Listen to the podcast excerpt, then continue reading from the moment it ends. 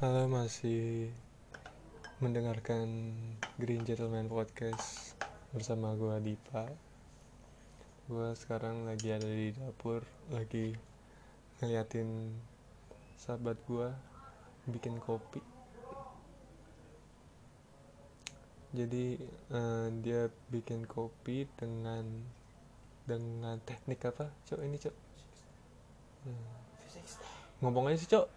V60 V60 V60 dengan green size tuh bro. Iya. Soalnya gue tidak memiliki yang Apa Yang aduh bijinya itu masih Bijinya itu masih di makhluk hidup ya nggak apa. Eh, yang bijinya digiling nggak halus gitu. Eh, apa ya yang masih masih bisa dinumbuk lagi. Ya, jadi akan kita lihat kita Ha- akan gue lihat gimana sih bikinnya atau apakah ini akan berhasil atau enggak berhasil sih berhasil. Enak atau enggaknya? Oh. enak atau enggak? Oh ya eh, yang apa ya yang menentukan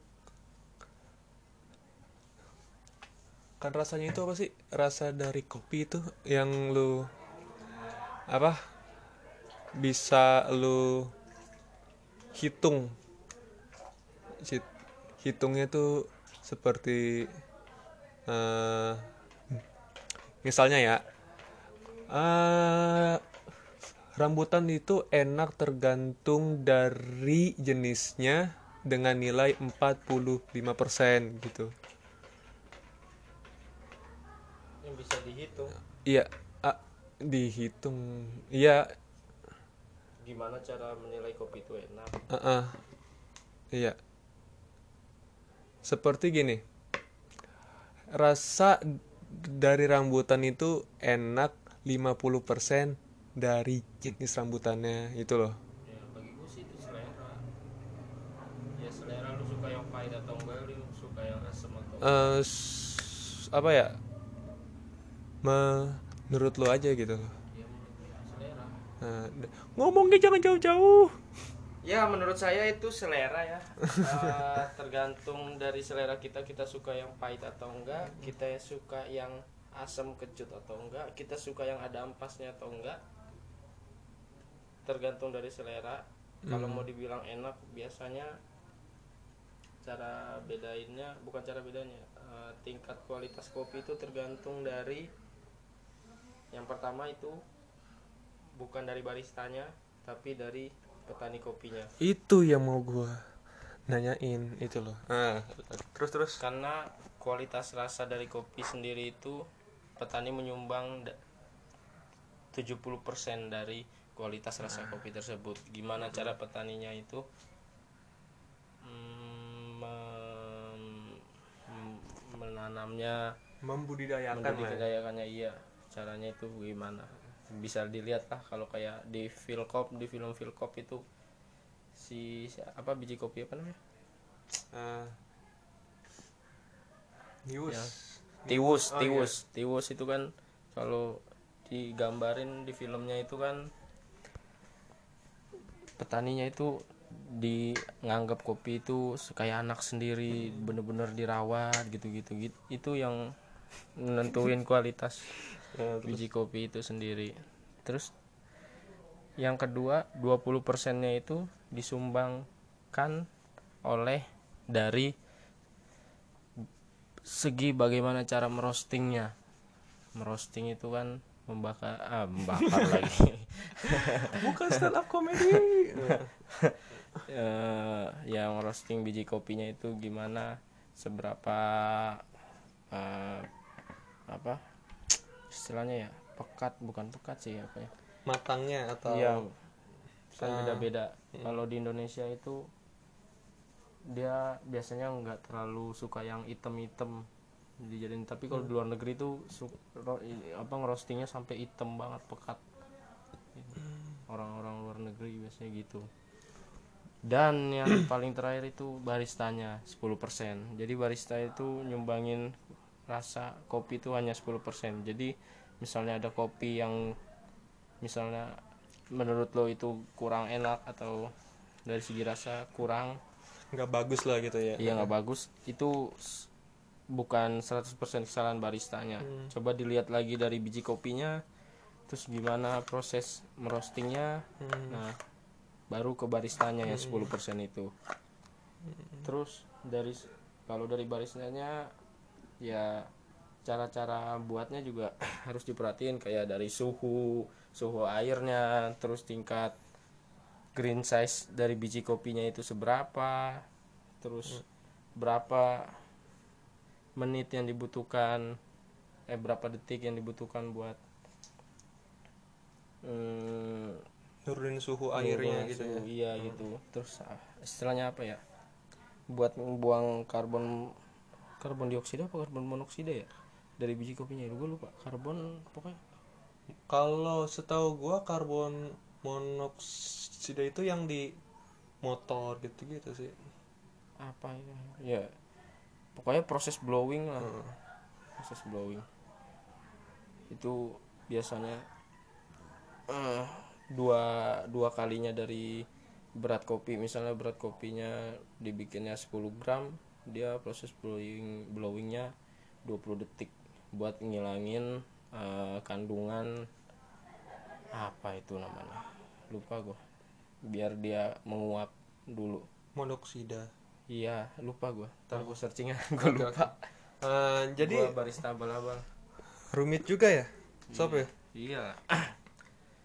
Makanya sampai ada sekolah kopi ya karena bikin kopi nggak main-main. iya Makanya di sekolahin. atau because kekurangan lapangan kerja iya Nih, coba.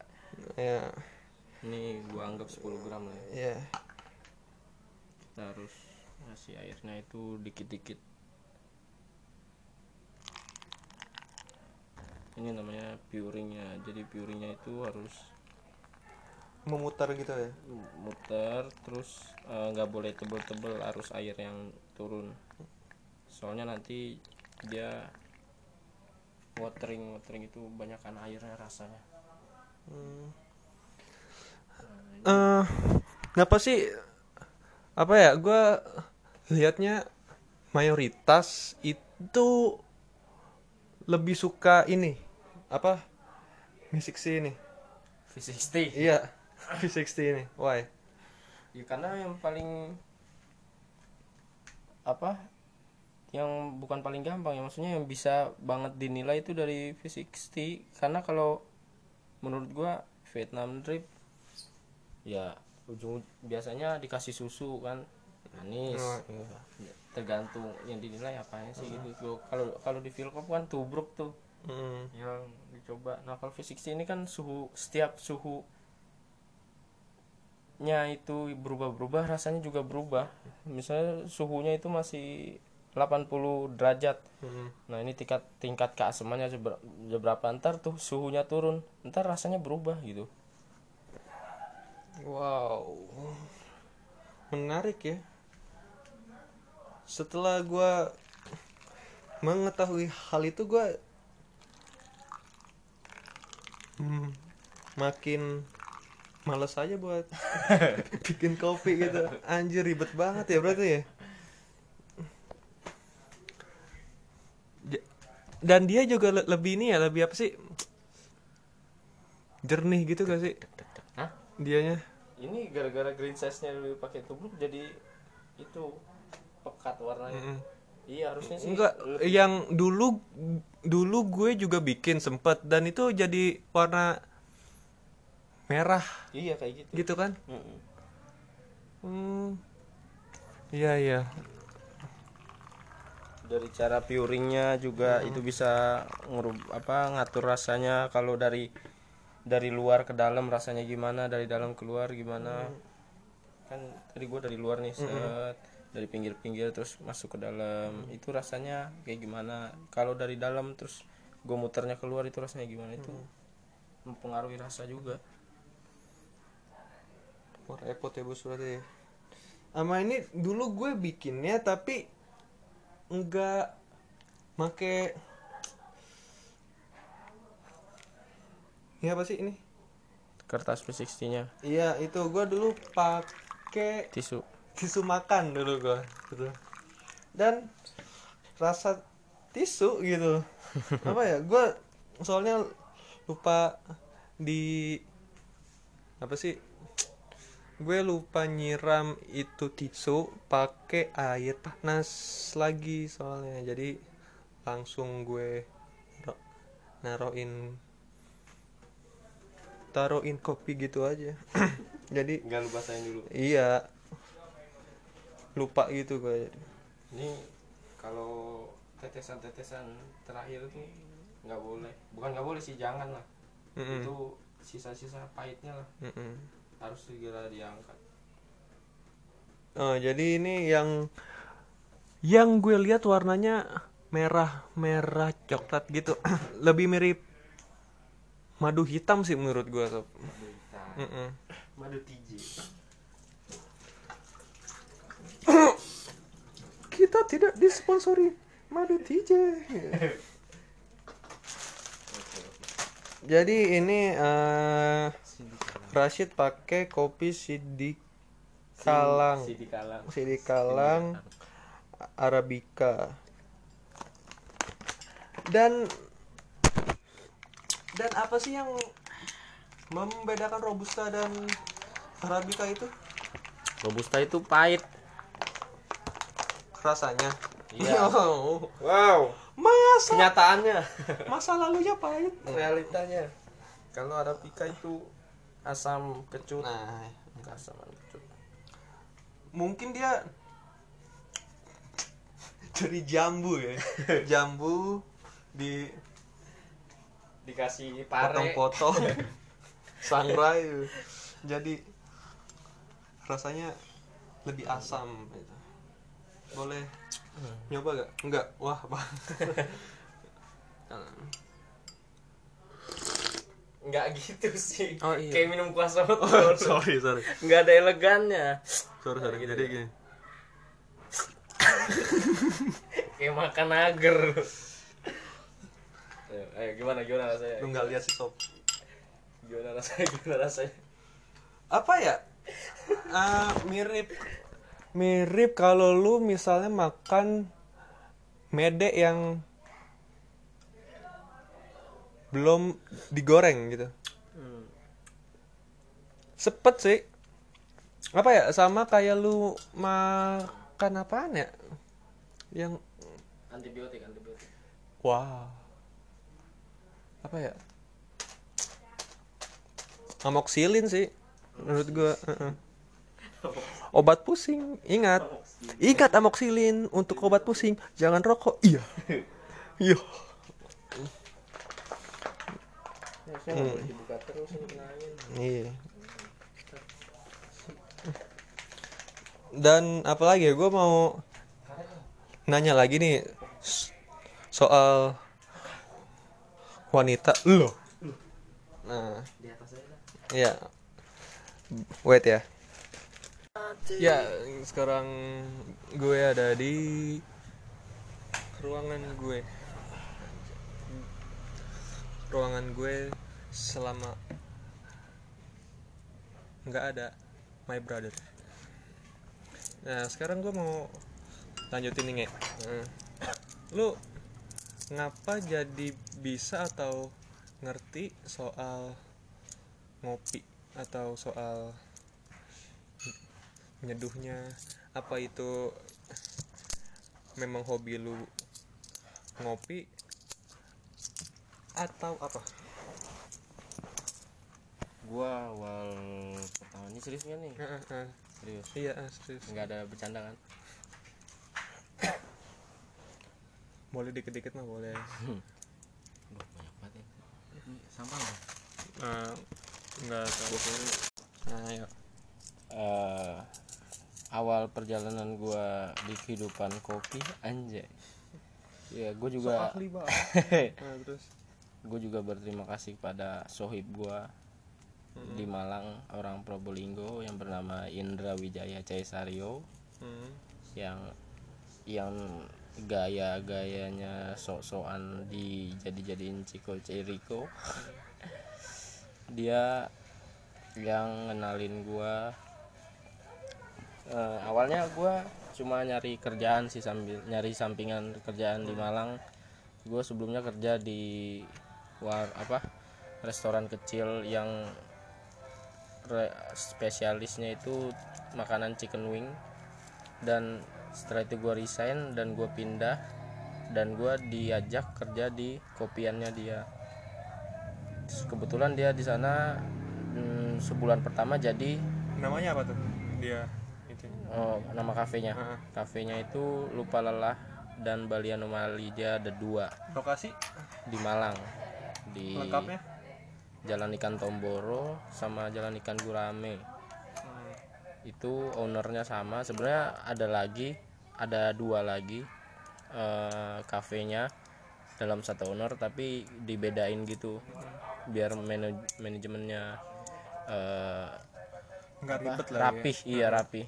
Jadi dibikin dua kubu gitu. Nah gua nih di kubu yang lupa lelah sama Bali Anomali dan teman gua di situ udah jadi manajer lah. Ah, yang dia kerja sebulan masih jadi barista terus dia angkat jadi manajer. Tapi di atas dia tuh masih ada head of manager. Tapi maksudnya dia punya kendali lah di sana. Nah gue diajak kerja di sana. Ya gua kehidupan gue tentang kopi itu berawal dari sana. Gue diajarin gimana cara buatnya. Gue diajarin apa itu apa istilahnya kehidupan kopi itu gimana? Gue diajarin di sana gue di training gue di training gue diajarin cara ngerosting terus gue diajarin gimana cara bedain rasanya gue diajarin metode-metodenya. Hmm. dan itu kafe adalah kata temen gue itu kafe di mana eh, kafe yang mempunyai biji kopi terbanyak. Maksudnya di mana tuh? Di di Malang. Maksudnya kan setiap kafe itu kan ada nih di, eh, di display kopi itu cuma sampai 6 atau 7 jenis kopi. Ini tuh sampai 10 15 biji kopi sampai sampai ada yang basi gara-gara kebanyakan dan ada yang kurang laku ada yang laku banget. Hmm. nah di situ gua belajar kopi. Walaupun ada lika-liku dalam manajemennya ya. Tapi gua alhamdulillah banget sebenarnya bisa kerja di situ. Karena dengan gua kerja di situ gua bisa kenal kopi. Hmm, dan uh, dan setelah itu lu merasa gak sih lu itu uh, selama minum in ini apa ya minum kopi yang hanya tubruk atau hanya apa? 60 apaan? Saset. Iya itu juga. Lu ngerasa gak sih eh, rasanya jadi lebih manis kah atau lebih masam lah atau Wah. jadi lebih mahal gitu? Wah, ini mahal nih kopi nih kan gitu apa, apa lu jadi merasa menuhankan kopi iya Waduh. apa ya lu jadi mungkin lebih, Lebih masuknya peka. ke ah, iya Lebih itu peka ah, terhadap- ah. jadi ya itu peka banget gua dulu waktu zaman maba gua baru nyari kosan sama si Ardika tuh Heeh. sama Yasir kan nah gue malam-malam lagi di kosan harian gitu minta beliin kopi. Beli kopi di warkop di Malang gitu. Hmm. itu kopi hitam dan gue nyobain itu pahit banget. Hmm. dan itu tuh kopi saset dan gue nggak nggak gue minum sama sekali. Hmm. cuma nyicip anjir pahit banget nggak enak gue nggak suka. Hmm. dan itu akhirnya Ardika yang minum kan tapi cuman dikit lah. So kuat dia. Iya sokoan ya sosokan terus pas gua terjun ke dunia kopi dan gua nyobain kopi saset kok ini manisnya itu over gitu kok kok manis banget. Yang ditakar sama di saset itu gulanya ini kok semanis ini gitu loh. Padahal yang di apa ya racikan terbaik gitu ya. Iya. racikan racikan terbaik kok gitu. semanis ini gitu loh. Dulu gua ngerasanya pahit banget sekarang gue nyobain yang lebih pahit. Dan nyobain sasetan tuh manis banget kayak apa sama gue nggak suka juga kan malah jadi nggak sukanya karena kemanisan dulu nggak suka karena kepahitan Heeh. sekarang ngerasain nggak suka gara-gara kepahitan gitu eh kemanisan gitu. Ya jadi lidah gue jadi peka aja gitu tapi gue belum sepenuhnya peka eh, ngebedain. Dia dia lagi patah hati gitu. Iya kayak gitu bangsat. Agak enggak enggak. Nah, belum sepeka yang lain gua nggak bukan merasa senior atau berasa Oh, sok lu, tahu kopi lah. Jadi makanya merendah aja ya lu bukan ya. merendah emang gua Sombong gua masih belajar. Heeh. gua masih belajar. Hmm, jadi emang ada ada gak sih ada gak sih itu kopi yang susah banget buat di seduh gitu. Atau yang ada treatment khususnya gitu buat ada. Heeh. biji kopi yang belum dihalusin. Wah. Ah, i- iya juga saya ya semua ya semua bisa diseduh lah kalau udah di udah dihalusin udah apa dihancurin. yang apa sih yang membuat sebuah eh sebuah segelas segelas kopi itu leb- lebih mahal gitu loh. Di suatu tempat gitu? Bisa juga bilang begitu atau apa ya? Seperti yang sempat gue dengar itu eh, adalah kopi luwak sebagai kopi yang paling mahal ya kan itu dia mahalnya soalnya sulitnya mencari luwak yang tit kopi ya hmm. Iya kan? Saking susahnya nyari itu tahi luwak di hutan. Nah, sampai harganya naik dan sekarang makin apa ya? eh, jadi tuh makin banyak orang yang melihara luwak juga kan dan itu pun enggak nurunin harganya gitu loh. Jadi apa ya jadi tuh kalau menurut gue ya kalau kopi luwak itu bukan soal yang bu- bukan soal langkanya kan rasanya kan berarti kan. Jadi yang apa ya yang bisa membuat dia itu mahal itu apa gitu? Ya kalau menurut gue itu eh, ciri khas ci- apa yang buat mahal itu ciri khas dia dalam mengolah kopi itu dan dibuat itu tuh eksklusif atau ini treatment yang beda loh. Hmm. buat bikin kopi enak gue buatnya dari luwak. Cara cara ini cara ini tuh belum ada sebelumnya dan ini eh, spesial gitu. Makanya harganya gue gedein gitu kan maksudnya. Ya iya itu eh, istilahnya apa ya Eh, membuat langkah-langkahan lah ya bu- bukan membuat pola pikir orang-orang tuh kalau wah ini ngolahnya begini nih beda dari yang lain nih Oh, pantas iya, nih iya. Nah. Jadi sama seperti berlian. Iya gak sih yang harganya di mahal-mahalin yang notabene dia itu terbuat dari areng. Nah iya, Iya itu. kan? Nah, ya, ya. Jadi marketing lah ya. Iya. Gitu lah ya. padahal mah tidak terlalu spes- sespesial itu dan sampai apa ya sampai gue denger kalau dia itu enggak enggak enggak buat lambung lu sakit malah atau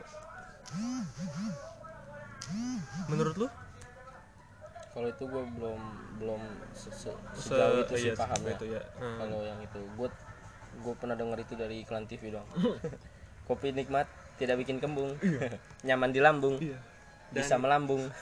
Dan ini loh apa ya gue suka suka lihat orang yang baru bangun pagi lah baru baru bangun tidur lah ya langsung minum minum kopi gitu.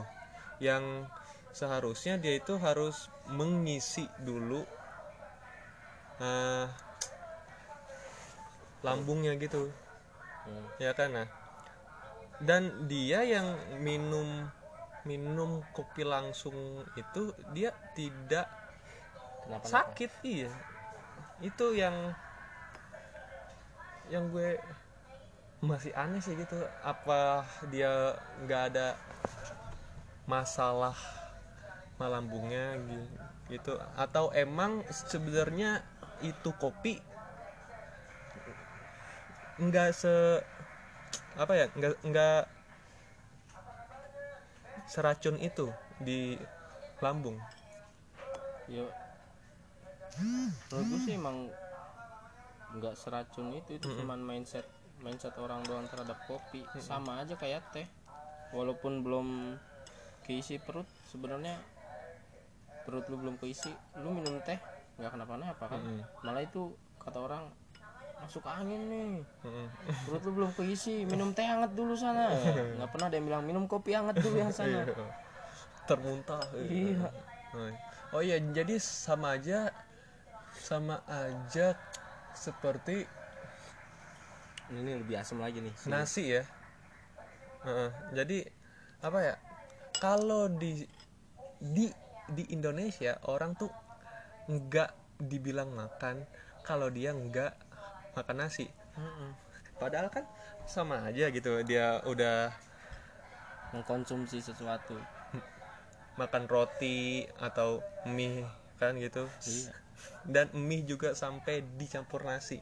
Dan itu adalah hal yang sangat buruk menurut gue soalnya itu adalah dua kandungan karbohidrat dengan dengan tingginya kalori yang bisa membuat diabetes.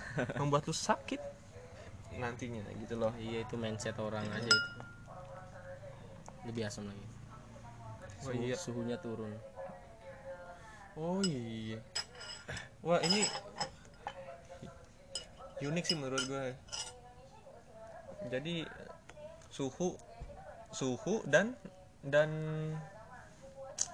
suhu dan dan rasa rasanya itu juga apa ya? Ngaruh ya? Iya, apa itu hanya ngaruh di di apa? Fisik ini doang Heeh, iya ngaruhnya setahu gua baru eh, bedanya tuh di fisik sih doang. Hmm. Kalau coba yang lain menurut gua sama aja. Apalagi kopi sasetan. Mau dingin mau dicampur es. Kalau dicampur es kan Mm-mm. Eh, ya nyampe mana? Lupa kan gua. Eh, oke oke. Gue cuma gue mau ini sih. Hmm, nanya soal ini sih. Eh, sampai ada yang bilang kalau kopi luwak itu adalah hasil eh hasil ditemukan oleh orang Indonesia yang lagi rodi. You know eh, seperti dia yang nanam kopi dia yang merawat tapi dia nggak nikmatin. Sampai dia sampai dia tuh kesel gondok kan. Sampai pas mandornya itu mau minta kopi saking dia gondoknya dia ambil luwak eh dia ambil bijinya. dia ah iya, gini dia ngambil biji kopinya dari tahi luwak gitu. Luwak sangrai terus goreng eh goreng nah seduh deh kan seduh gitu. Eh enak gitu kan. Wah enak wah ini enak dan dia jadi mengapa enak? Gitu kan. Ya kan dia niatnya mau ngeracunin. Iya macunin kok enak gitu. Nah itu menarik juga sih ya. Sama seperti ini sama kayak dulu dulu tuh eh, apa ya yang oh ya ini dulu ada chef yang dituntut buat masak sayuran yang bernama kentang. Nah jadi ada satu satu bangsawan yang mau mak- makan kentang dengan rasa yang berbeda gitu. Sampai si si si chefnya ini gondok sampai motong itu itu kentang tipis banget tipis sampai sampai nggak bisa ditusuk dengan garpu. Eh enak. Dan jadilah keripik kentang gitu kan. Jadi apa ya semua eh, bahkan suatu hal yang sangat sederhana seperti itu bisa jadi inovasi baru. Iya jadi revolusi lah anjir ya itu apa keresahan kan? Iya eh, kes- keresahan gitu. Jadi apakah menurut lu nih apakah si kopi luwak ini harganya seg, seg- segitu jadi wajar atau itu berlebihan menurut lu? Ya menurut gua wajar sih. Mm-mm. Karena dia berani buat yang beda. Mm-mm. kan sedikit lebih beda lebih baik. Iya. Daripada sedikit lebih baik. Iya. Itu yang membuat harga naik. Iya. Kualitas. Lebih unik lebih apa ya lebih Hmm. langka lebih eksklusif gitu. Hmm. ngomong-ngomong soal luwak gue mau nanya soal HTS nih. Eh, sudah kuduga gue udah wawancara satu orang doang sih eh, tapi gue nanya dia tuh dari sumbernya yang yang gue denger lah ya Nah. ini kan gue mengetahui lu menjalani hubungannya gimana kan yang yang lu ngomongin ke gue sih kan gitu. Jadi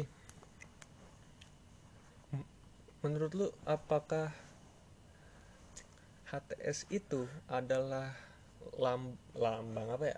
Apakah HTS itu adalah langkah yang diambil laki-laki yang nggak bisa ber berkomitmen gitu? Menurut lu gimana? Hmm, nggak juga. Mm-mm. Hmm, kalau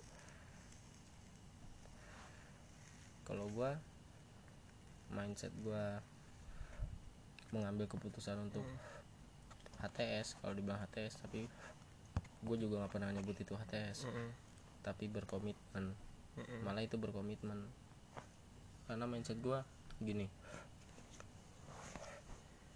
Orang pacaran. Mm-mm, nembak nih. Mm-mm, sebelum pacaran. Mm-mm, kamu mau nggak jadi pacar aku? Mm, oke mau oke kita pacaran. Mm-mm.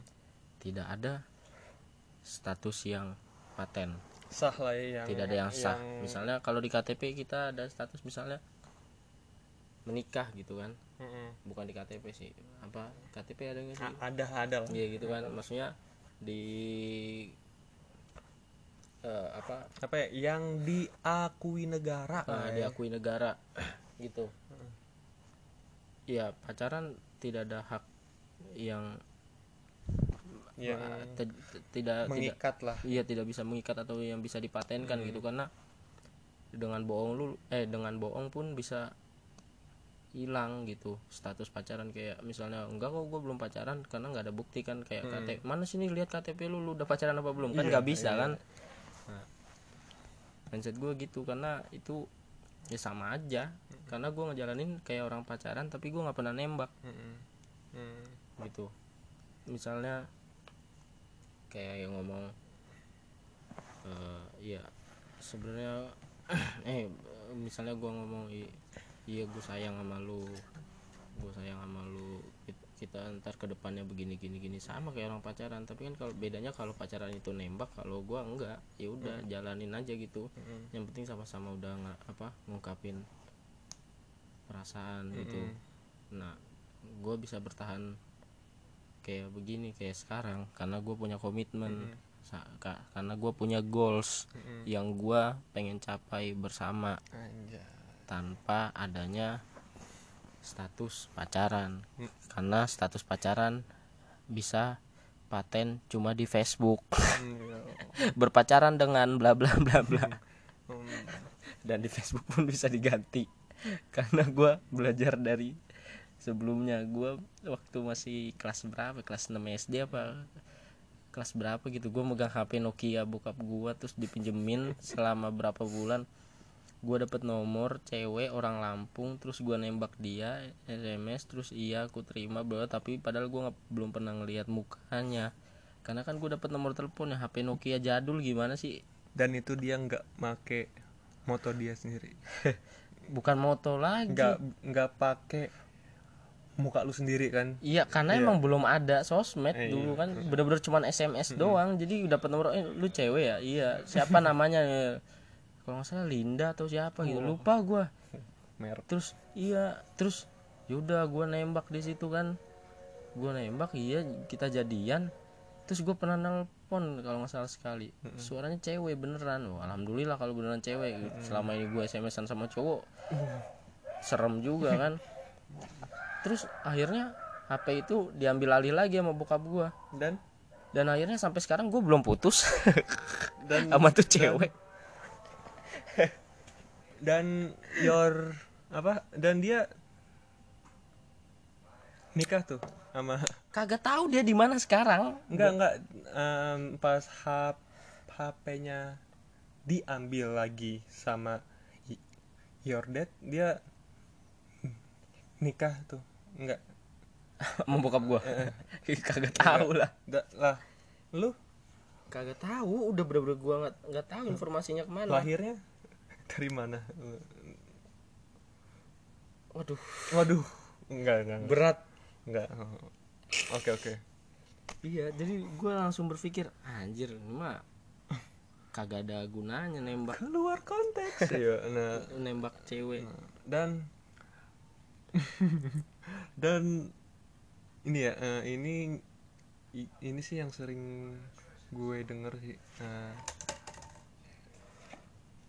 ada bukan apa ya lu kan HTS-an nih terus di an di antara lu sama dia itu pasti ada yang ngarep lebih atau eh, berlebihan lah ya kan? Jadi lu merasa ini ini bukan HTS-an gitu loh. misalnya dia eh, lebih over lebih Hmm. protektif atau apa ya atau lebih minta hak lebih dari lu gitu loh Hmm. ya kan nah itu kan bukan apa ya itu adalah masalah dari semua orang yang menjalani itu kan. Menjalani HTSan kan Mm-mm. itu Nah, dan lu gimana lu, lu menanggapinya gitu? Ya. Nah, udah. Udah. Itu aja. Dan Bin. juga enggak enggak. Itu dia. Bedanya gua sama orang HTS kalau HTS ya berhubungan biasa aja tanpa status terus yang jalinin gitu aja. Kalau gua itu juga. Tapi gue punya komitmen dan punya tujuan Hmm. punya goals sendiri gitu. Hmm. dan kita sama-sama ngasih pengertian kalau sebenarnya pacaran nggak ada bedanya. Mm-mm. karena pacaran itu lu cuman nembak dan status statusnya itu cuman ada di pikiran lu doang. Lu nggak bisa nggak bisa apa nggak punya nggak punya hak yang paten gitu nggak punya status yang paten di ka, apa? Hidup lu lah hidup gitu. iya iya. Kagak ada di kartu keluarga nggak ada di KTP kagak ada di ijazah. Eh, menurut gua itu menikah juga nggak ada di ijazah so. nah iya makanya. Maksud gua yang kayak gitu-gitu gitu loh. Dan eh apa ya tadi gua mau ngomong ya hmm, ya itu gue bedanya kayak gitu. Kalau HTS cuma jalanin aja hubungan gitu. Kalau gue punya goals gitu punya goals dan sama-sama ngertiin kalau pacaran itu kayak gitu doang. Apa cuma sebatas nembak doang. Lu bisa aja macarin berapa orang gitu kan. Ta- tanpa tahu kalau lu udah punya pacar. Karena itu kagak ada informasi yang paten gitu. Tuh dengerin tuh. Orang yang HTS minta hak lebih tuh dengerin. Itu juga salah satu alasan gua buat eh, menjalani Tuh, hubungan kayak gini. Karena gua menghindari yang namanya bukan gua bukannya gua orang yang nggak bertanggung jawab ya tapi gua nggak untuk sekarang gua bu- nggak mau mempunyai tanggung jawab yang lebih atau mempunyai beban yang lebih. Karena gue berpikir kalau pacaran itu kayak lu punya mm, hak untuk melarang-larang mm, hak untuk mempunyai tanggung jawab. Misalnya lu Ke mana? Juga sih menurut gue ya ya kan setiap orang beda-beda dan gue menghindari itu. Maksud gue tuh gitu kayak lu ke mana aja lu belum ngechat gue lu belum nelpon gue hari ini. Nah, nah itu gue menghindari banget. Gue tuh maunya ya udah kalau fucking annoying. kalau kalau kalau ada ya udah. Kalau nggak ada ya mungkin lagi sibuk. Itu yang gue harapin gitu loh. Bukan berarti lu nggak ada tapi lu karena lu ngapain gitu. Hmm. jadi eh, lu lebih mengandalkan hubungan lu hubungan lu itu di pengertian yakin dan berpikiran positif atau komitmen. Eh, ya ya. Semua itu disatukan jadi komitmen bapak oke jadi eh, apa ya tapi kalau misalnya dia dilamar sama laki laki lain itu respon lu gimana? Apa lu nyuruh dia milih atau lu mm, bakalan mempertahankan dia dengan langsung ngelamar juga gitu? Atau lu lu apa ya? Lu relain dia aja Nah. gitu atau lu let it go gitu let it go itu itu yang ngebedain gue sama HTS yang lain hmm. tingkat kepercayaan gue itu udah parah dah Mm-mm. udah parah dah Mm-mm. kayak ya gue kayak ya gue udah nggak nggak bukan nggak terlalu bener-bener nggak nggak khawatir bener-bener nggak khawatir kalau ada yang ngambil gitu. Kalaupun ada yang mau ada yang mau ya kalaupun ada yang mau ngambil gue nggak nggak khawatir dia bakal dapat karena gue yakin dia udah nggak mau sama siapa-siapa. Hmm. Hmm. gue mikirnya kayak gitu. That's dan itulah yang dinamakan kepercayaan.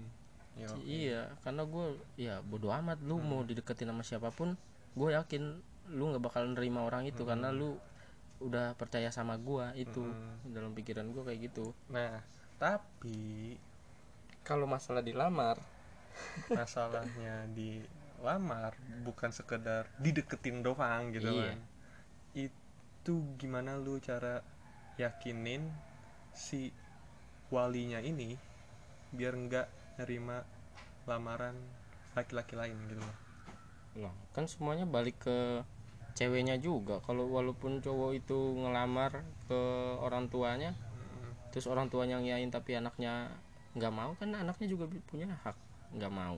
Mm-mm. misalnya masih mau nunggu Mm. misalnya. cowok. Iya. Masih mau iya. nunggu. Ya karena misalnya. Leh.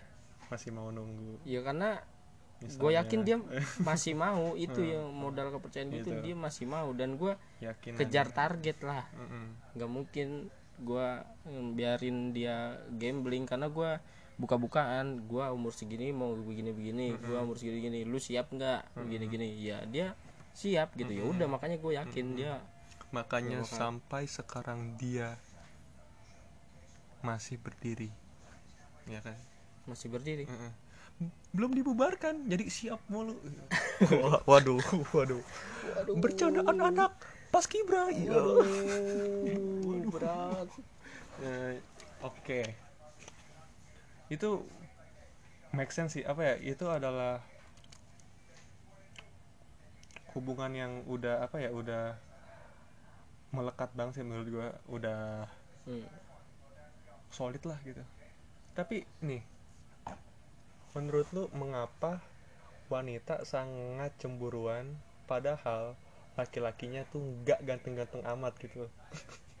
Kayak yang, gua gitu. yang dicemburuin gitu. Eh, enggak jadi ke wanitanya ini kayak nge- ngejagain si laki-lakinya yang enggak ganteng-ganteng amat gitu loh. Ngejagain biar nggak diambil orang? Iya iya gitu. Ya. Apa? Ya tolak ukurnya apaan dulu lah. Maksudnya mukanya kan gue bilang Muka- muka iya, iya, sih. maksudnya Heeh. sampai bisa dijagain berarti kan bukan karena muka makanya dia mau ngejagain. Nah itu. Nah. Karena dompet. Se- ya. Iya. jadi krokodil. gue mau apa ya gue jadi gue tuh mikir kalau si wanitanya ini nggak mau wanita yang lain lihat apa yang ada di dalam laki-lakinya ini loh yang Iya. ya yang dia lihat dia suka gitu loh. Iya. Ada ada satu titik kecil yang dia buat aku akan setia kepadamu selamanya gitu loh ya kan? Aku tidak akan memperlihatkannya kepada perempuan lain. Iya. Oh. Kalau dompetmu tebal. Iya. walaupun wajahmu kayak aspal. Hmm, waduh. Waduh. Aduh hitam gitu. Waduh. Ada putih-putih garis. Garis putih putus-putus. Eh. waduh aspal ya. Hmm, nah itu sih. Jadi HTS itu sebenarnya so bukannya orang yang nggak berani ber berkomitmen tapi itu adalah next level. Next levelnya kepercayaan. Malah itu harusnya lebih dari pacaran. Le- iya kan? Maksudnya iya kan saya bilang next level iya gitu loh. maksudnya kepercayaannya itu lebih daripada pacaran. Karena lu bisa berani percaya sama orang yang tidak ingin mempunyai status. Mm, dan dan lu juga kalau naracap nih lu hanya meng- menggantungkan hubungan lu di status itu yang tidak membantu sama sekali hubungan lo gitu loh Mm-mm. nah, jadi HTS is good naracap is good too is, good good is good too tapi tergantung yang menjalaninya aja kan gitu Iya. loh. Nah, jadi yang pasti semua orang mayoritas ya pasti mau menikah. Nah ini yang menarik nih. Menurut lu jodoh itu sudah di- ditentukan atau belum? Atau lu yang harus nyari? Udah. Atau gini ya nih. Yang gue lihat dari eh, s- dari gue hidup ini aja hidup. Oh lu hidup? Iya. Jadi lu itu cuman nggak bisa nentuin mau sayang sama siapa. Mau jatuh cinta sama siapa. Tapi lu bisa nentuin lu mau nikah sama siapa gitu. Iya. Ya kan? Jadi menikah itu adalah pilihan. Iya. Iya. Dan dan apa ya? Dan yang dinamakan takdirnya itu adalah jatuh cintanya itu sendiri gitu loh. Nah, menurut lu apakah lu s- sependapat atau enggak gitu? sependapat sih tapi ada yang unik nih Mm-mm. gua dapet cerita dari Ardika Mm-mm. di di SMA gua yang anak IPA-nya itu diajar sama ibu guru namanya siapa ya lupa gua dia pernah ngomong kalau dulu tuh saya sama suami saya tuh nggak pernah suka sama suami saya. Saya tuh dijodohin. Tapi karena udah dijodohin ya udah saya nikah. Lama-lama seiringnya berjalannya waktu kita bangun rumah tangga ya lama-lama saya sayang sama dia.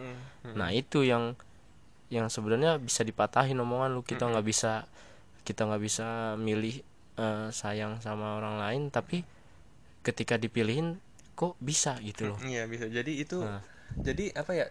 It's it's a work of uh, cinta datang karena terbiasa gitulah ya. iya Ya kan? Ah.